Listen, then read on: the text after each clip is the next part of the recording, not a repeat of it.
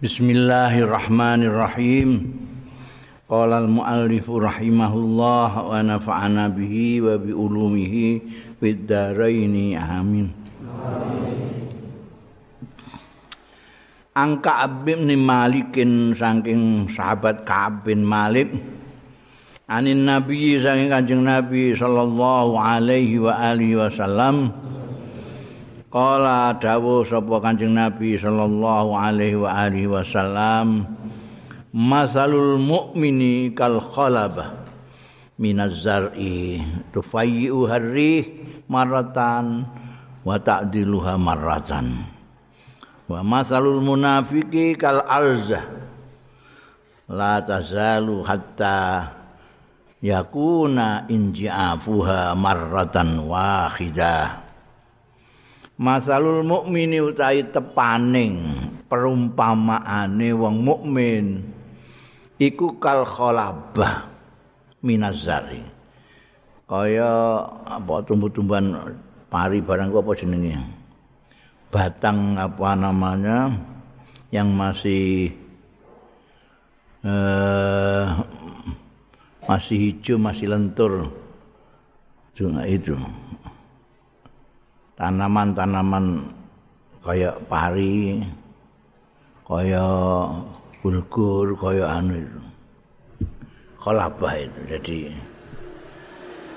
eh, yang batangnya lentur kolabah itu. Minazari saking tanduran.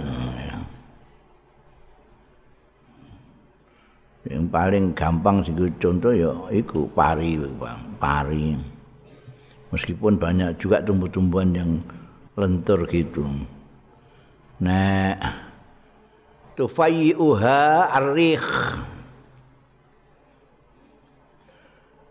Doyong-doyongake tufayyuha itu ha ing khalaba apa arrihu angin. Jadi kalau ditiup angin ke sini dia akan condong ke sini. Ditiup ke sana, condong ke sana. Karena dia batangnya lentur itu tadi.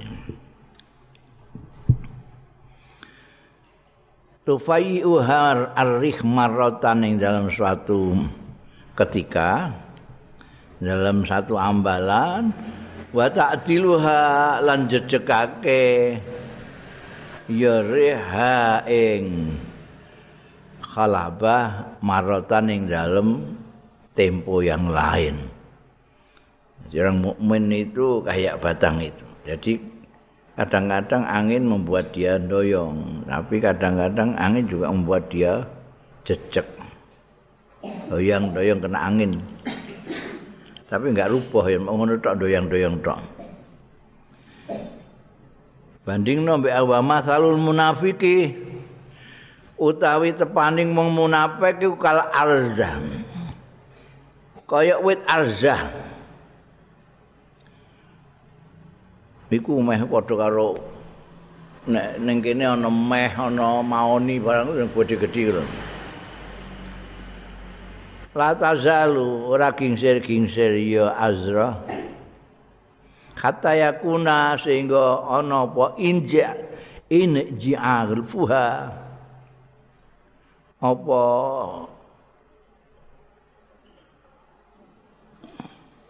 Inji afu itu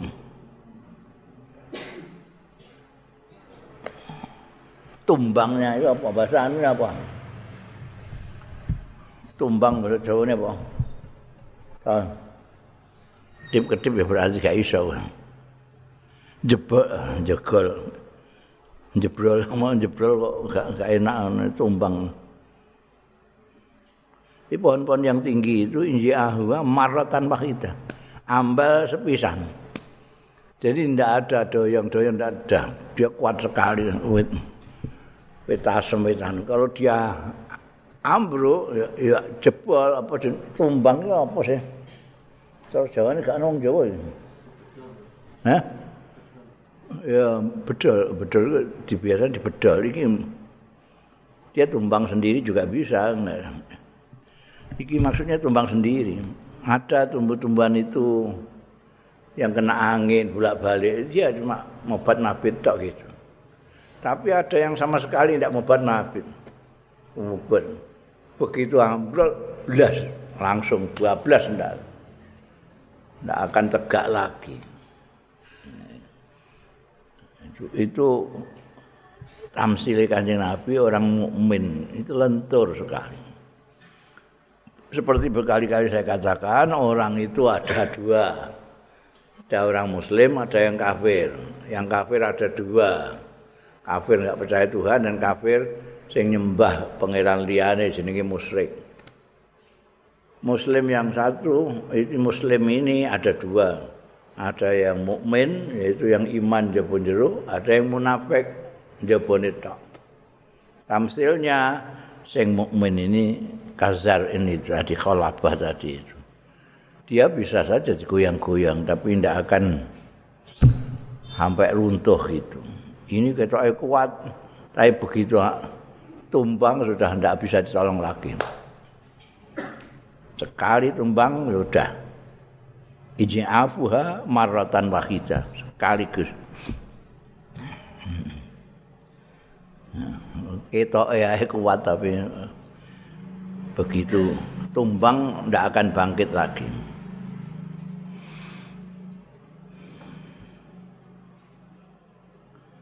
Bunda wa anhulan saking kabin Malik juga. Kok anhu kok an Abi Hurairah iku ana hune apa Nah, iya iku ape kan hunya itu itu khayal tenan. Anhu kok Abi Hurairah. Hune dibuat nek ana abune kaya wekku. Ka ana sing ana hune ya ana. Iki wekku tok iki mbah piye kok. Nuskahe kitabku iki digawe sing ngene iki piye Yusuf iki. Ya, repoti wong tenan. Wa an Abi Hurairah saking sahabat Abi Hurairah radhiyallahu anhu qala Ngendika sapa sahabat Abu Hurairah kala dawuh sapa Rasulullah sallallahu alaihi wasallam May yuridillahu bi khairan yusib minhu. Sapane wong yurid sing ngersakake sapa Allah Gusti Allah bi kelawan man ngersakake khairan ing bagus yusib. Mongko nyoba sapa Allah minhu saking man. Jadi orang itu kayak sekolah itu ujian. Ujian kalau orang hidup tidak diuji, uji ya berarti ya pada kara sekolah. Wong diuji itu untuk meningkatkan orang kok. Ujian-ujian untuk meningkatkan dari kelas 1 menjadi kelas 2 diuji dulu. Juga begitu dalam kehidupan. Gusti Allah kalau menghendaki orang itu naik dicoba diuji. Oh diuji karo Gusti Allah kok sabar tabah sekarang naik derajatnya. Mayuridillahu bi khairan yusib minhu. Ini abang wong kok kena coba terus itu tanda-tandanya dia dikendaki baik oleh Allah Subhanahu wa taala. Bukan malah wah iku wong anu iku laknat iku lara terus ngono. Enggak. Justru dia dikendaki baik. Mergo ya wingi kuwi Gusti Allah itu menciptakan manusia, menciptakan penyakit, menciptakan sakit, menciptakan rasa sakit. Itu semua ada kafarohnya. Kaitannya dengan dosa-dosanya. Ini ngantek tertusuk duri saja itu bisa mengkafaroi dosanya orang. Jadi, malah dijelaskan sekali mayuridillahu bi khairan yusib minhu. Tanda-tandanya orang dikendaki baik oleh Allah itu ada banyak karena hadisnya juga bukan hanya ini saja ana dawuh yang hampir mirip mayuridillah bihi khairan yufaqihu fiddin tanda-tandanya orang dikendaki baik oleh Allah Ta'ala kalau dia dipandaikan tentang agamanya. Dingertek ke soal agama.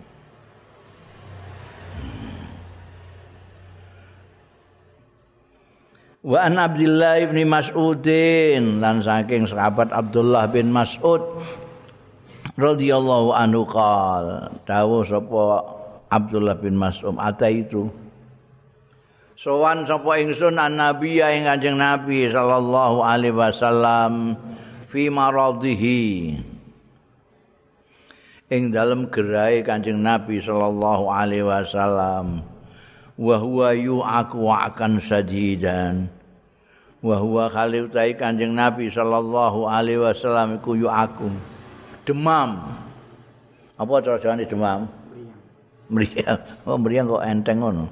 Demam gitu. Wong wakan sadidan demam yang sangat.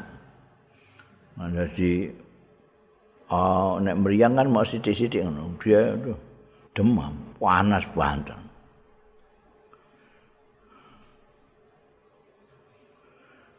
Wa qultu lan matur sapa ingsun Abdullah bin Mas'ud Innaka latu aku wakan.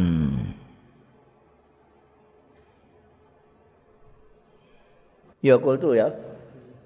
Aku saiki dadi curiga mbek anuskahku Wa qultu lan matur sapa ingsun innaka sak temenipun panjenengan latu aku latu aku yekti pun paringi demam wakan kelawan demam temenan.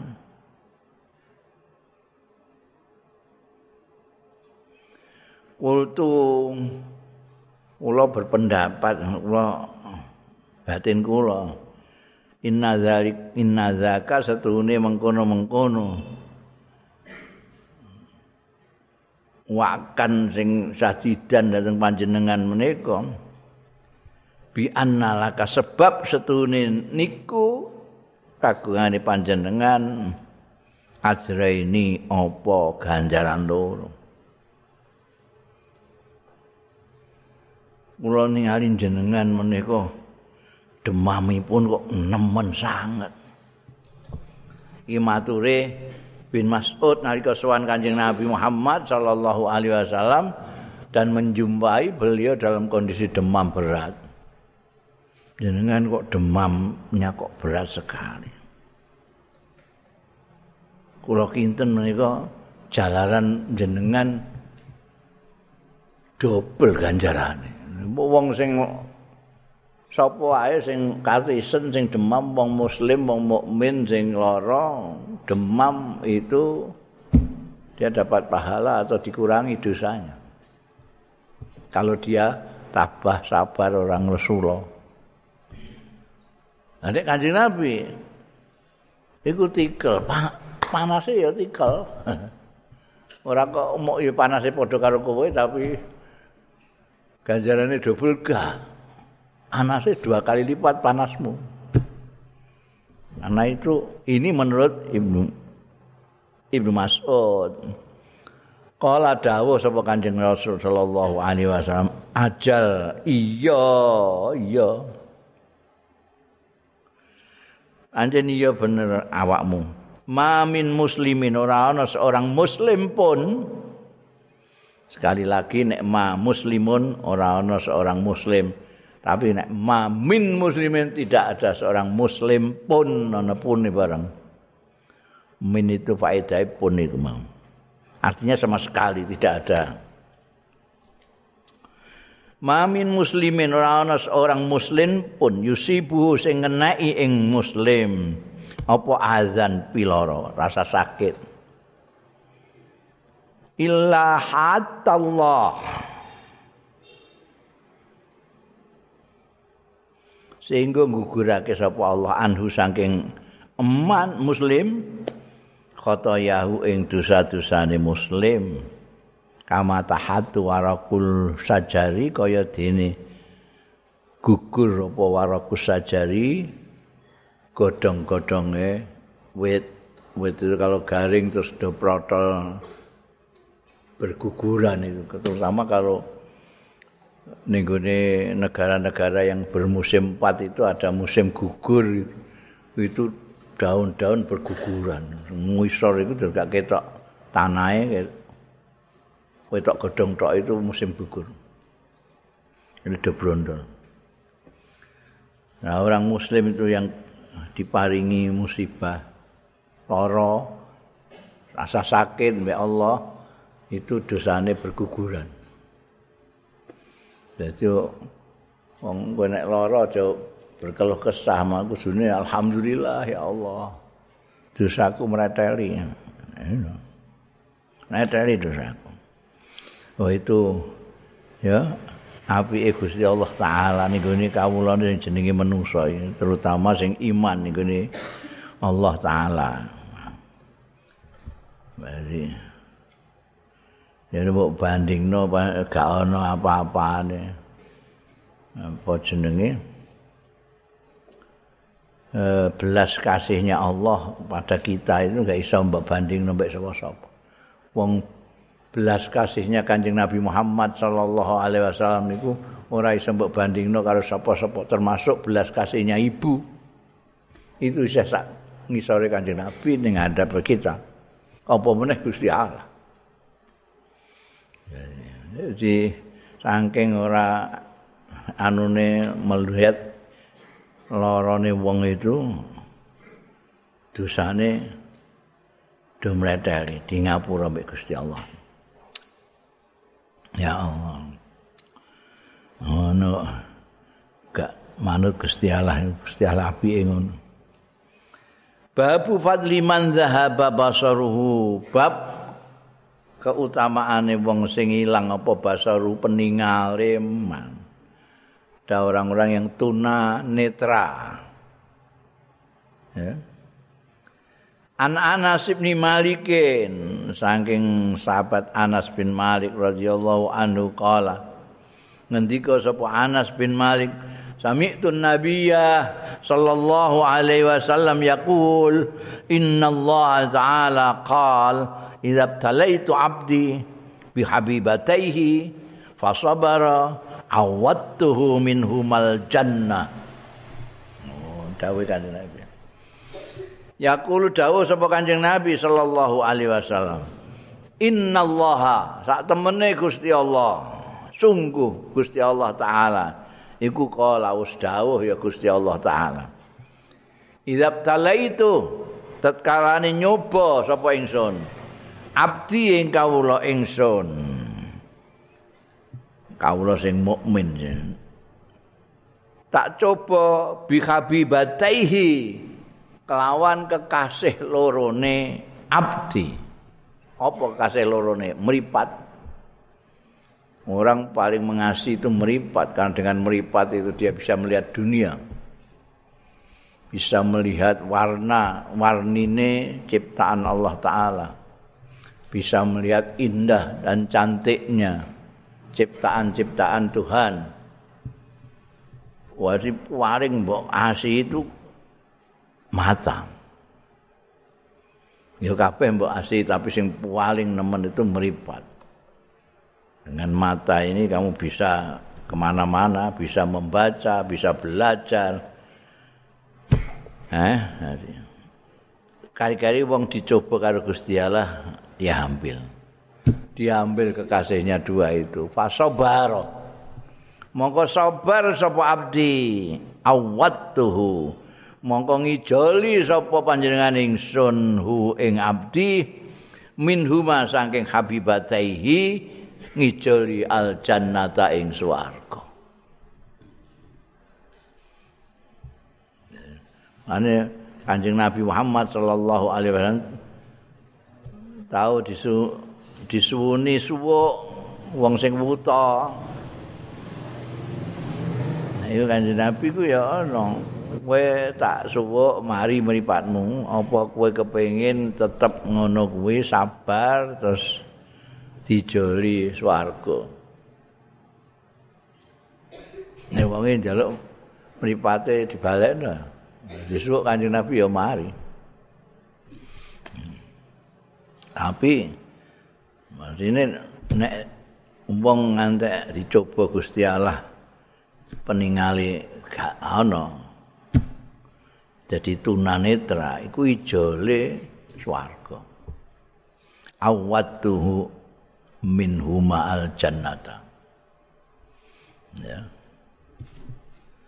Iku anggere syaratnya iku sabar sabar. Ana wong sing wuta iku sabar ya ana ana sing ngatus ngamukan iku gak sabar. Eh? Mau dicitani wong wah aku dik mau roh anu apike ra karoan dene gak roh mangkel Joci joci to ngono iku. Aku ndelok film-film apa aku gak tau roh. Ngamuk. Tapi ana sing rabar ya. Ana rabar. Nyabari ganjarane ijole swarga. Ibuku iku mulai enom biyen pidato bareng kaya kaya abah ibu itu aktivis juga tiba-tiba peninggali dipundhut surat ison mesani Lalu terus indranya yang lain menjadi kuat sekali. Iku ijole ning gone dunya iku iku. Tapi ijole ning gone akhirat ya al jannah. Ibu iku iso krungu kreseke sandalku ambekan sandal iki khol iso bedana. Iki sandalku. Mus. Lil krungu kreseke. Apa meneh kok swara? Oh, Dan nyabari ya ono ya ini.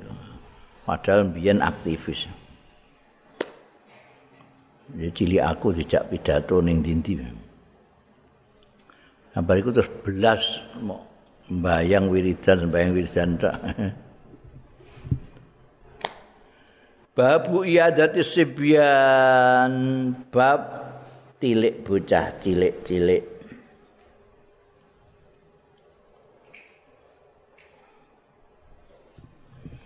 An Usama bin Zaidin saking Usama bin Zaid bin Harisa radhiyallahu anhuma.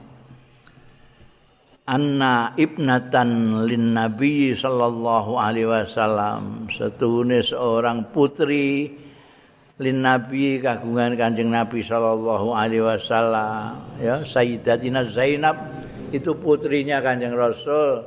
Selain ada ruqayyah ada umi kulsum ada saya ini yang zainab ini yang diceritakan oleh Usamah bin Zaid. Usamah bin Zaid itu sudah saya ceritakan dia orang kesayangan Kanjeng Nabi Muhammad sallallahu alaihi wasallam.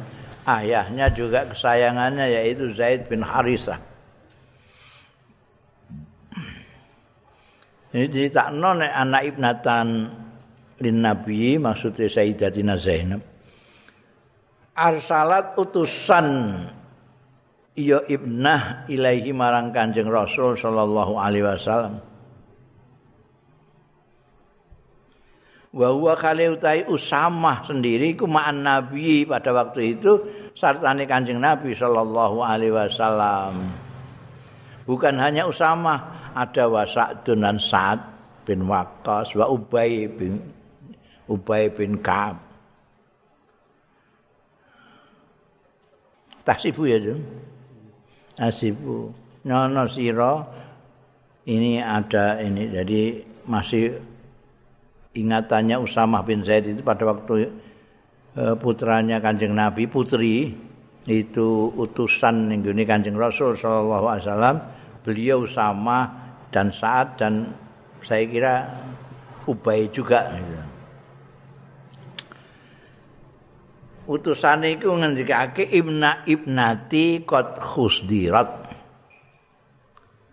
Jadi matur iki aku diutus karo Bu Zainab. Matur ning Kanjeng Rasul. Inna ibnati setuhune anak wedok ingsun qad khudirat teman-teman wis nazak wis khudirat iku wis anu sekaratul maut itu khudirat itu. Arep wafat.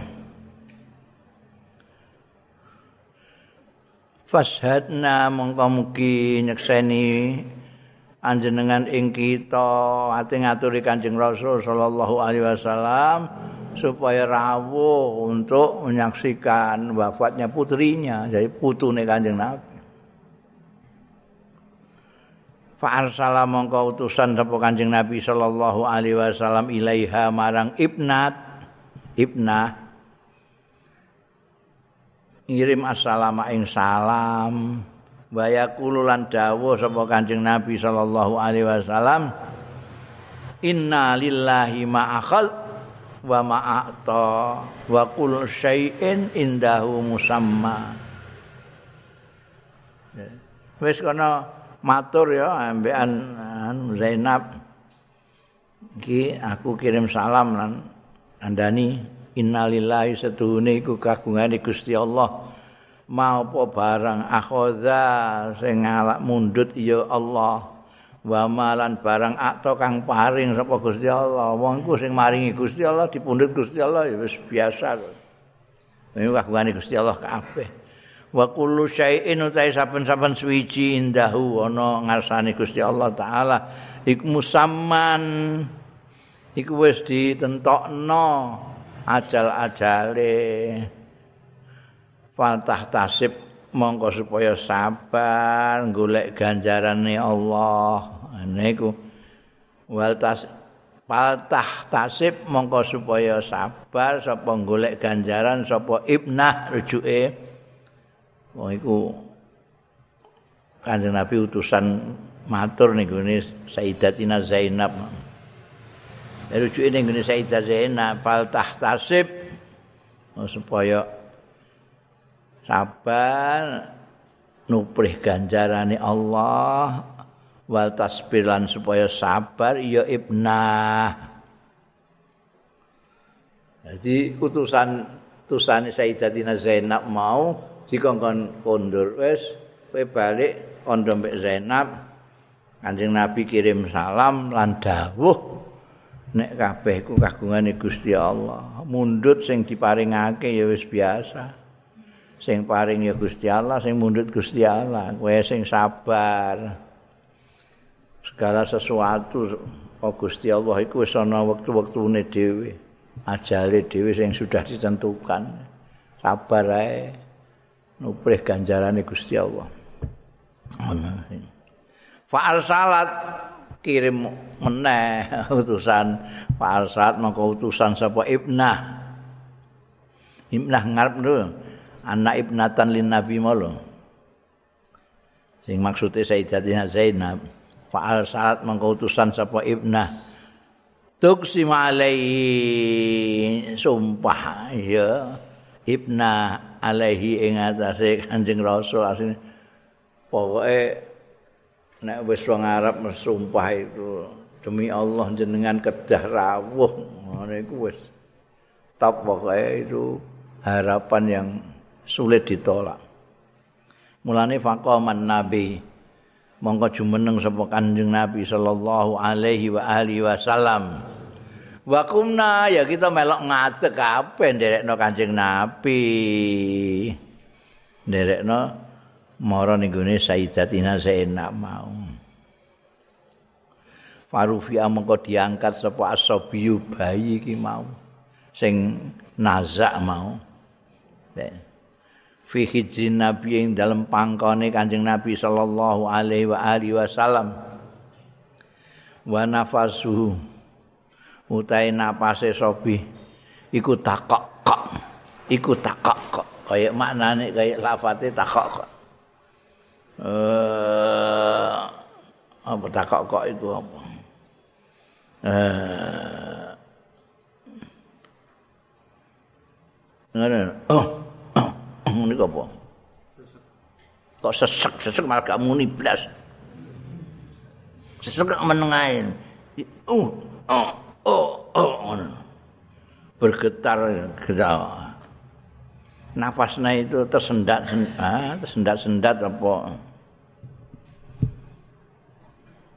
jadi nafasnya itu bersuara yang menggerakkan anu nih apa?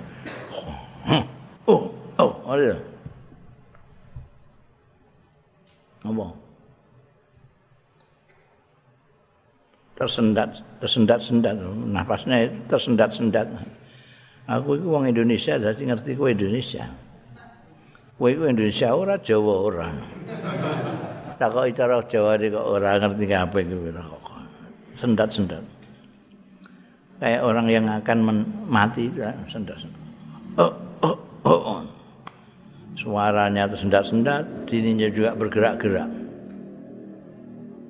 Fafadot, hmm, kan fafadot. Mongko dileweran apa ainan Nabi sallallahu alaihi wasallam. Netra kali Kanjeng Nabi ora teko.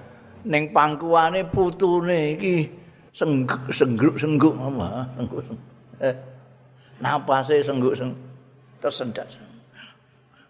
Ono sampai tergerak-gerak. Kanjeng nabi kuat. Dileweran iluwe kanjeng nabi Faqala Sa'dun, wong Arab asli ya. Faqala Sa'dun. Maka matur sapa Sa'ad Mahaza ya Rasulullah niku napa ya Rasulullah kok ngantek dleweran jenengan ya Allah.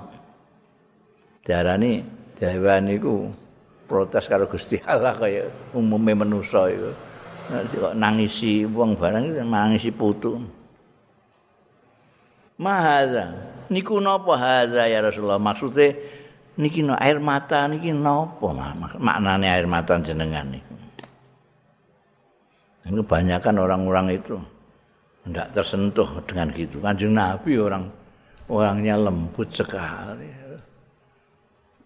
Begitu itu rasa ibanya tersentuh. Saat sing rada gawa Kanjeng Nabi kok seorang nabi, seorang utusan Gusti Allah masa ana kawulane dipundhut ya pesa dhewe nek iku kagungane Gusti Allah. paringi Gusti Allah dipundhut Gusti Allah ya wajar biasa sae ditangisi lah Ngene ngantek tanya maha ya Rasulullah. Kaya kaya tengah protes. Kala dawuh sapa Kanjeng Rasul sallallahu alaihi wasallam, "Hadhihi iki air mataku yang berlinang. Iku rahmatun." Itu merupakan pengejauhan tahan dari kasih sayang. Wada'ah Allah sing nyelehake ha ing rahmah sapa Allah Gusti Allah fi qulubi man sya'ah ing dalem pira-pira atine wong sing ngersakno sapa Allah min ibadihi saka kawula kawulane Gusti Allah wala yarhamullah. Lan orang rahmati ora belas kasih sapa Allah. Min ibadi saking kawula kawulane Gusti Allah illar ruhama. Layar hamullahu min ibadi illar ruhama kejaba mereka-mereka yang punya belas kasihan. Man lam yurham la man lam yarham la yurham. Irhamu man fil ardi yarhamkum man fis sama. Tanda itu memang paringi Gusti Allah. Ana wong iku wis ana kejadian sing memilukan yang menghibahkan barang tidak tersentuh itu ya ana karena tidak diparingi rasa rahmah di dalam kalbunya oleh Allah Subhanahu wa taala Gusti Allah itu memberikan kepada hamba-hambanya kasih sayang itu ar-ruhama itu. Nabi Muhammad sallallahu alaihi wasallam jelas itu Nabiur Rahmah, nabi yang penuh kasih sayang. Dengan umatnya saja rahmatnya kayak gitu. Ini sama bayi yang kayak gitu. Itu tanda-tanda wong nangisan segala macam itu karena di, di sininya lembut di sini diberikan rahmat oleh Allah taala. Ana sing watos atine ana apa-apa wis ora. Eh, wis ora kepengin nangis ra apa Itu ada. Jadi muskil asalnya saat itu muskil ada kanjeng nabi kok nangis jadi kayak penjelasan kayak kanjeng nabi itulah itu rahmat namanya kalau tidak karena rahmat tidak akan kanjeng nabi mengalirkan air mata ketika melihat bayi putune tersendat-sendat napasnya. Hmm. Bundel babu tamanil marid al mauta. Bab harapane wong lara al mauta ing mati wa ju'ai lan dongane wong marid. Wong sing lara. An Anas bin Malik dan sahabat Anas bin Malik radhiyallahu anhu. Qala qala Nabi sallallahu alaihi wasallam la yatamannayanna ahadukumul maut min durrin asabahu. Fa in kana la budda fa'ilan falyaqul Allahumma ahyini ma kanatil hayatu khairan li. Dawuhe Kanjeng Nabi sallallahu alaihi wasallam la yatamannayanna aja ngarep-ngarep tenan sira. Eh la la yatamannayanna aja ngarep-ngarep tenan sapa akadukum salah siji kabeh arep-arep al mauta ing pati mindurin saking lara apa-apa lah rasa sakit apa penyakit yang itu. Aso bau kang ngeneki ya dur hu ing ahadukum. Saking larane ya Allah pejahi mawon kula. Ngono iku lho sing dikasakne iku ngono. Aja sepisan-pisan wong lorone kaya apa aja ngantek terus. Njaluk mati. Ya Gusti paringi pejah mawon Gusti mboten kiat kula. Lah mboten kiat terus e. Fa ing kana la buddha mongko lamun ana. La buddha ora kena ora fa'ilan. Fa ing kana mongko ana. Lamun ana sapa ahadukum la buddha ora kena ora iku fa'ilan melakukan. Ah harapan-harapan seperti itu. Fal yakul mongko supaya mengucap sapa ahadukum Allahumma duh Gusti Allah ahyini mugi paringi gesang panjenengan ing kula maka natil hayatu khairan selagi ana apa al hayatu kehidupan niku khairan saeli kangge kula. Ati ngono. Kowe ndongakno wong sing kira-kira merasa dia sudah putus asa ya jangan terus ya tak dongakno ndang kaki mati ya ngono. Timbangane aja ngono. Dongakno ya Allah tak dongakno. Muga-muga nek urip tambah apik kowe iki muga-muga paringi urip mek Gusti Allah. Ngono iki ning ngono. Warane kanjeng Nabi nek pancen kudu nguni ya Allahumma kudu donga karo Gusti Allah aja njaluk mati tapi njaluk supaya nek sae gesang kula panjenengan paringi gesang.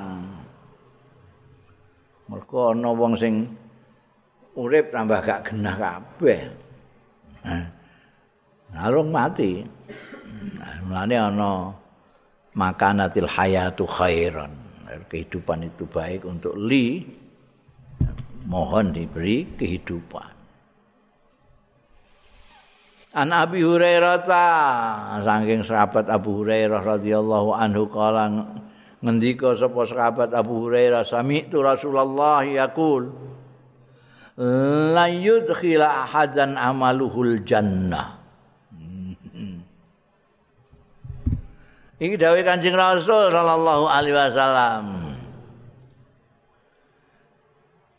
La yudkhila ora bakal nglebokake akadan ing seseorang apa amalu amale akad al jannata ing swarga? Kalau do matur para sahabat wala anta ya Rasulullah? Pemuni akadan lan yudkhila akadan jadi pantas nek ana pertanyaan saka sahabat-sahabat. Wala anta ya Rasulullah lan mboten panjenengan juga ya Rasulullah. Jenengan nggih mboten saged ngamal jenengan nglebetaken teng swarga. Qala alaihi salatu wassalam dawuh sapa Kanjeng Rasul alaihi salatu wassalam la ora bala ana panora sapa ingsun illa ayat aghammadani Allah kejaba yen ya taghammadani maringi rahmat. Ing ingsun sapa Allah bi fadlin lawan kanugrahan wa rahmatin lan rahmat. Iki ring dadekno apa Habib Quraisy siap di fitnah mbek wong ngene. Ono sing gak seneng terus dikabar-kabarno nek Habib Quraisy itu mengatakan bahwa kan amalnya Kanjeng Nabi tidak bisa memasukkan ke surga. Saking bodone sing krungu ya kok ngandel ini muga luwih bodho meneh. Iku paedahe ngaji rak ngono iku ben ora kogat kaget. Masos iku. Ah wong nek gak seneng Habib Quraisy itu kan ya. ana kalane mergo hasud ngalime ana sing terus diprotol-protol. Wala ana. Iki dawuh Kanjeng Nabi tenan dawuh Kanjeng Nabi. Nah iki Kanjeng Nabi ngendika layut khila ahadan amaluhu al jannata qalu wala anta. Jenengan nggih mboten ngamal jenengan nggih mboten saged nglebetaken jenengan swarga enggak aku ya Pak. Kecuali nek Gusti Allah maringi aku kanugrahan, paringi rahmat. Jadi mlebune tetep ning gone rahmat. Terus piye? Fasaddidu wa qaribu. Mongko fasaddidu ngincer ngepas-ngepasno sira kabeh. Ngepas-ngepasno iku ngincer. Mbak Karibu an marek-marekno sira kabeh. Kowe nek manah iku biasane ning gone uh, tempat pemanahan iku ana bunder, bunder, bunder, bunder kaya bat nyamuk itu. Tengahnya bunder pol. Kamu itu saat itu pas pasno tengah iku. Pasno. Iku itu kan. Hmm, jadi kamu itu diperintahkan Gusti Allah ibadah kon iki pas-pasno. Rukune ini kayak kowe ngincer itu saat itu. Nek ora pas, ora apa-apa, anggere parek-parek ngono. Ya, kowe sing mbok incer iku tengah bener iku lho. Lombaan iku.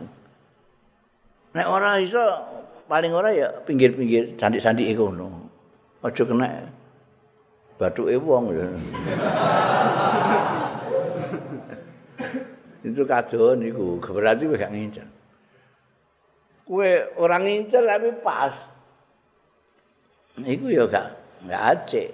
Luwe luwe apik kowe ngincer ora begitu pas kiri kanane mok kori budok. Lebih apik itu. timbangane kowe gak ngincer terus pas. Itu jenenge gak jarak. Cek, oh, pas tengah. Itu gak jarak itu. itu. Jadi sadidu wa qaribu.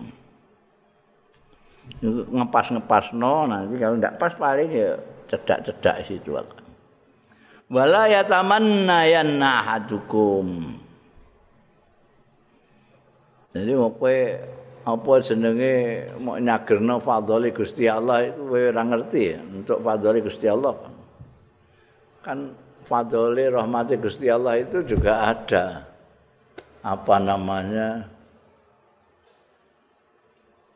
Hmm, ora kok mau dikekno angger wong kowe kepengin terus dikeki kepengin dikeki gak ada upaya-upaya yang harus kamu lakukan upaya mendapat anugerah Gusti Allah bisa masuk surga. Yaitu caranya ngepas-ngepas no. Minimal parek-parekan. wala yatamannayan ahadukum lan aja ngarep-ngarep temenan sapa ahadukum salah siji ro kabeh al mauta ing pati imam muhsinan. Ana kalane ahadukum iku muhsinan. Ya ternyata gawe bagus.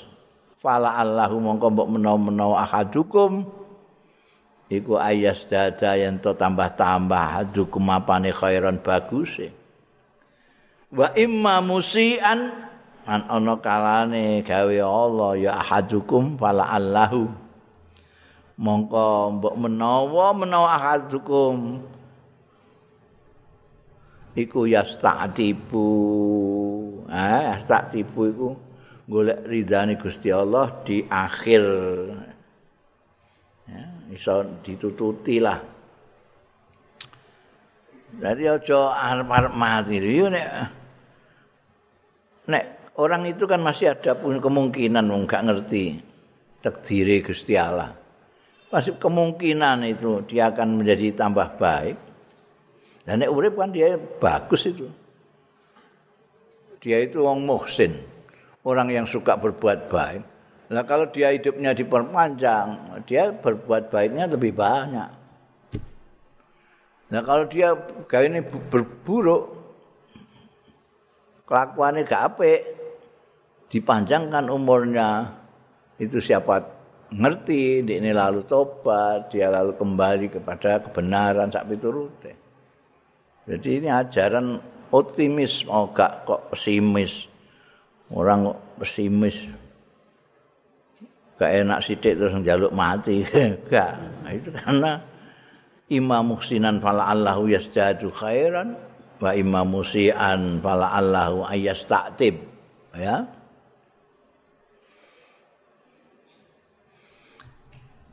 Ana Aisyah ta riwayatake saing Sayyidatina Aisyah radhiyallahu anha anna Rasulullah sallallahu alaihi wasallam kana ana ya Kanjeng Rasul ida atamaridon nalikane ngrawuh ya Kanjeng Rasul sallallahu alaihi wasallam.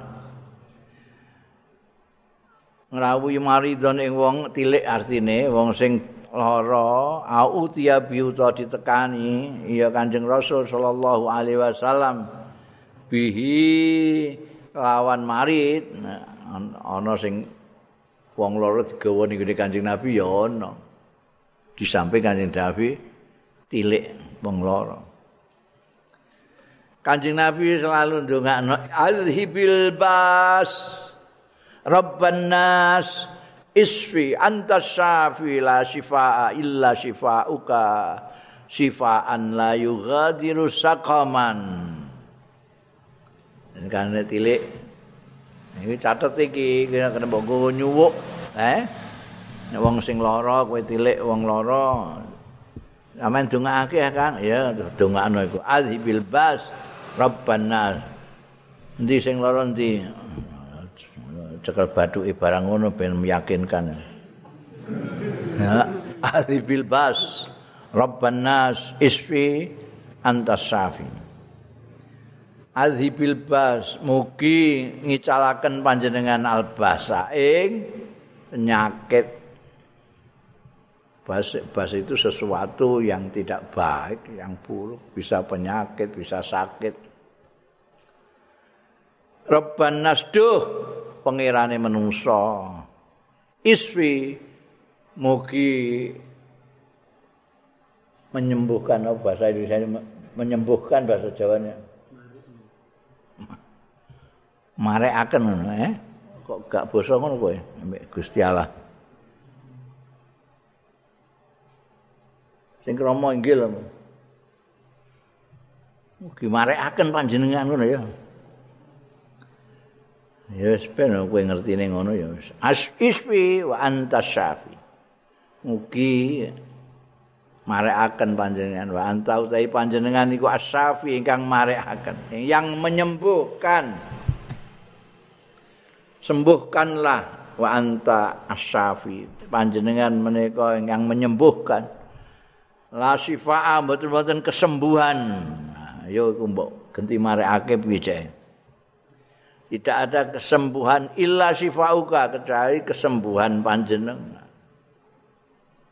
Anggenipun marekaken panjenengan sifaan kelawan kesembuhan la yughadiru saqaman sing mboten nilaraken sakoman ing penyakit. Ora ilang blas! Ndak ada lagi rasa sakit. Biasanya ditambahi mbak anak niku la yughadiru saqaman wala alaman.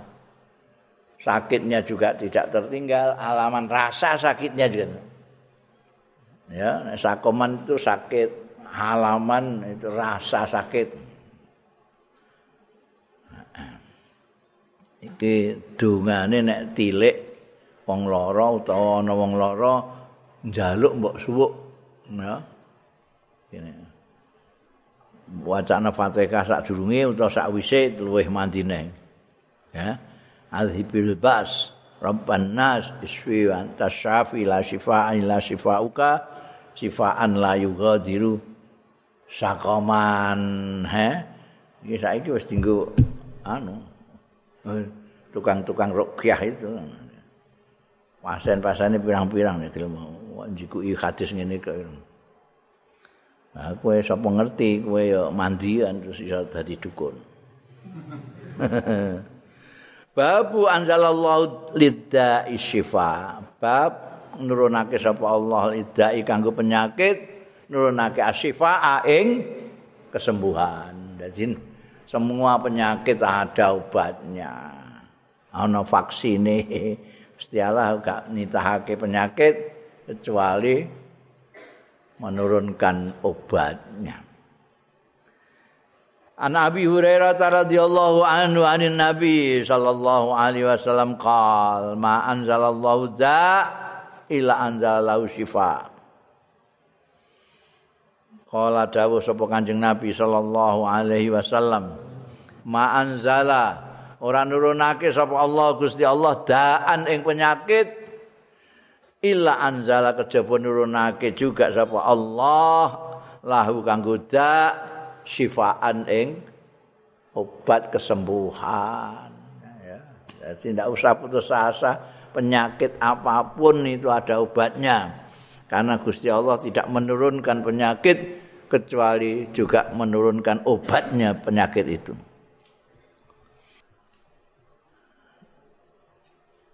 ngono sing kono wah niku sakniki dereng Mboten nonton, mboten nonton, ora kok mboten nonton obat itu ndak ada obatnya, belum ditemukan. Kata-kata ndak ada itu durung dihubungi kemput kok muni ndak ada itu piye carane. Ya, sing paling aman muni belum ditemukan obatnya. Nek ditemukan mesti ono. Mbiyen jarine kolera gak ono, jute ono, tipes jarine gak ono, ono. demam berdarah jane gak ono wujute ono. Virus jane gak ono ono. Ono terus janji gel goleki ono. Gusti Allah ora nurunake. Dak ila anzalau syifa Bundel Ibni Abbas radhiyallahu anhuma saking Abdullah bin Abbas radhiyallahu anhuma anin Nabi saking Kanjeng Nabi sallallahu alaihi wasallam asyifa'u fi thalatha. Fi sartati mihjamin aw sarbati asalin aw qiyati binan wa an ha wa ummati anil kait dawuh Kanjeng Nabi asyifa utawi kesembuhan iku fi salasatin ing dalam tiga ini tiga ini bisa menyembuhkan penyakit. Pertama fi syartati mihjamin. Ing dalam goresane alat cantuk. Jadi cantuk itu kowe tau ora hijam itu cantuk itu kulit itu di digores digores. Iku mau sartah itu digores. Gores tipis saja, kulitnya aja. Makanya ajaran tukang cantuk itu dia kalau bisa goreng gores kertas ini tanpa sobek. Dia buat delok tergores tapi tidak sobek. Nek sob nek sobek ya gak jadi. Nek wis iso nggores kertas tidak sobek itu sudah lulus nyantuk wong. Nah, karena itu nanti nyantuk itu kowe dicukur sik apa kene apa geger digores cit cit cit cit. Nah, syartatul mihjam. Cet cet cet. Terus lagi di kop ambekan biyen sing kuno iku nganggo sungu. Sungu sapi apa sungu wedhus sing ana bolongane terus disedot. Mutus darah kotor metu kabeh. Nah, iku wong tuwa-tuwa mbiyen nek sirahe ngelu barang ngono tambane mergo iki dawuh Kanjeng Nabi. Sarta timahjam. Ausar bati asalin atau minum madu. Nah, minum madu ini juga penyakit apa bisa eh, ngobati. Mulane saiki akeh dodol eh dodol madu.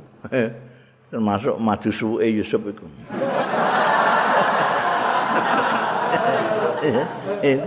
Wah itu mereka ada hadisnya.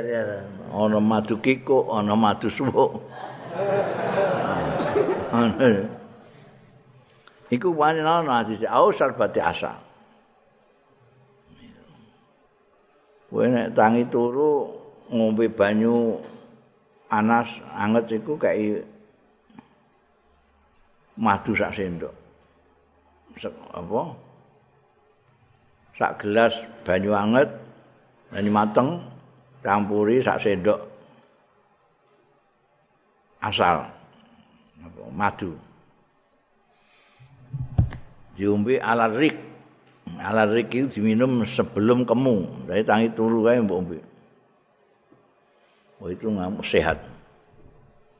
Itu tibun nabawi.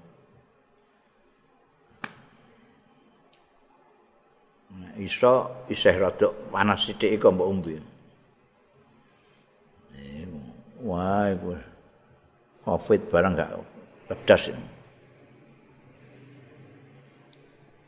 au kiyatin binarin utawa cas cas. Jadi biyen zaman jahiliyah iku ana ngobati penyakit di obongno pesi merengas ngono eh penyakit hilang tapi ana penyakit anyar. Melocot. Penyakit hilang melocot dan iku gak mulane wa ana.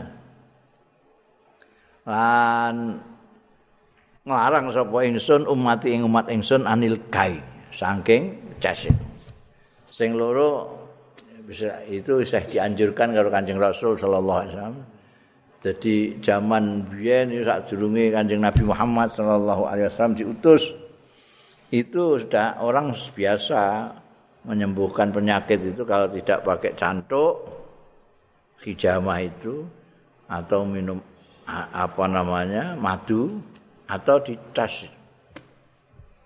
Tapi kanjeng Nabi Muhammad Shallallahu Alaihi Wasallam melarang umatnya untuk melakukan yang ketiga ini. Sing loro silahkan menggunakan cantuk silahkan. Minum madu bagus. Karena ini nih dalile Quran jono asal ini. Tapi nek kai jangan. Tidak boleh. Yuk ya iku mau. Mergo durung karuan penyakit sing lawas ilang tapi penyakitannya harus jelas iku. Melocot itu jelas. Nah saiki ana sing urip nane, rukyah-rukyah itu mulai ngurip-ngurip kayu. Masane iku kok Kanjeng Nabi, ndak itu dari adat jahiliyah. An Aisyata Allahu alam.